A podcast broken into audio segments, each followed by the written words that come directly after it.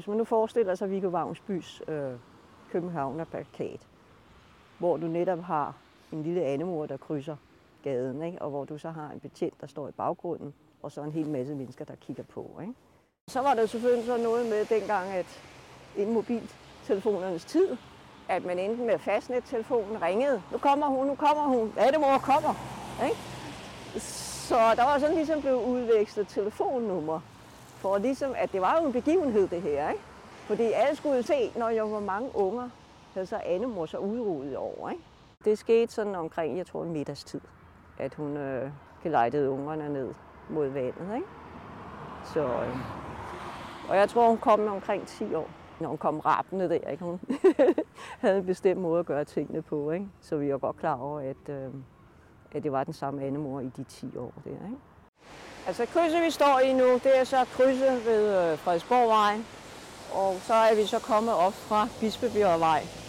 Og så står vi så i krydset, hvor Annemor så skal over den store befærdede Frederiksborgvej, med alle på daværende tidspunkt sporvogne og biler og cyklister og fodgængere, hvad der så var. Ikke? Jamen altså mange gange så gik hun faktisk øh, ja, altså ud på vejen.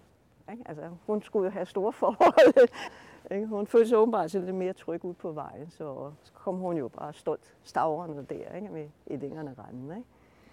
Og ligesom som det nu er i naturen, så ja, sådan små ællinger, de er jo nysgerrige.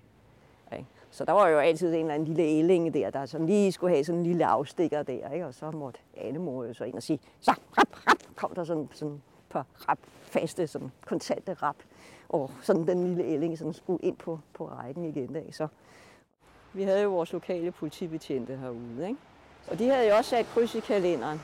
Så, så enten så var der en enkelt eller et par stykker, der altid havde tid til at komme ud og øh, var der så en bilist, der tabte eller dyttede eller et eller andet, ikke? så fik man sådan en reminder om, at, at, at betjenten sagde, nej, nej, hold op med det uæsen.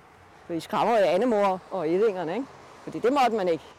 Vi stod så her simpelthen sammen, og så ventede vi jo altså på det der spændende øjeblik, var der nu en af de små ællinger, der lige snublede over sporskinnerne, ikke? Og det var det også hver gang, ikke? Og så når det skete, så kom sådan en, åh, gennem tilskuerne, ikke? Og så når det lykkedes, så den lille ællinger kom op igen, og sådan noget, ikke? hurra, kom der ikke, og folk de jublede så så ikke? Men ned for enden af Overbyggervej, der er der også en vej, der hedder Rådvaldsvej. Og så skulle også unger jo være sikre på, at Annemor kom helt skinnet derned. Ikke? Så hvis du ligesom sådan forestiller dig sådan en stolt Annemor kommer gående med sine ællinger, sådan, sådan stolt bræltende der, ikke? Altså på vej ned mod Udderslev Mose der, ikke? Og også unger kommer sådan stavrende bagefter, ikke? Gud noget trøst, hvis der kom en cyklist eller en bilist og skulle forstyrre, eller på nogen som måde skræmme Annemor. Fordi så fik de med også unge at gøre. Og vi skældte ud af ind og beskyttede Annemor, og, og, og det var lige før, vi rappede ligesom hende. Ikke? Annemor, hun stolede efterhånden så meget på, at trafikken faktisk blev stoppet for hende. Så hun gik bare. Hun stoppede sådan set ikke. Det eneste, hun stoppede, det var jo selvfølgelig, hvis der var en lille ælling, der kom, som lige skulle have en lille afstikker, eller noget i den stil. Men ellers så var det faktisk direkte fra Bisbjergvej op i Grønne Anlæg op, og så lige direkte ned mod Mosen. Det er jo sådan nogenlunde lige for, for enden af Overbyggervej, hvor hun simpelthen bare gik direkte ud i vandet.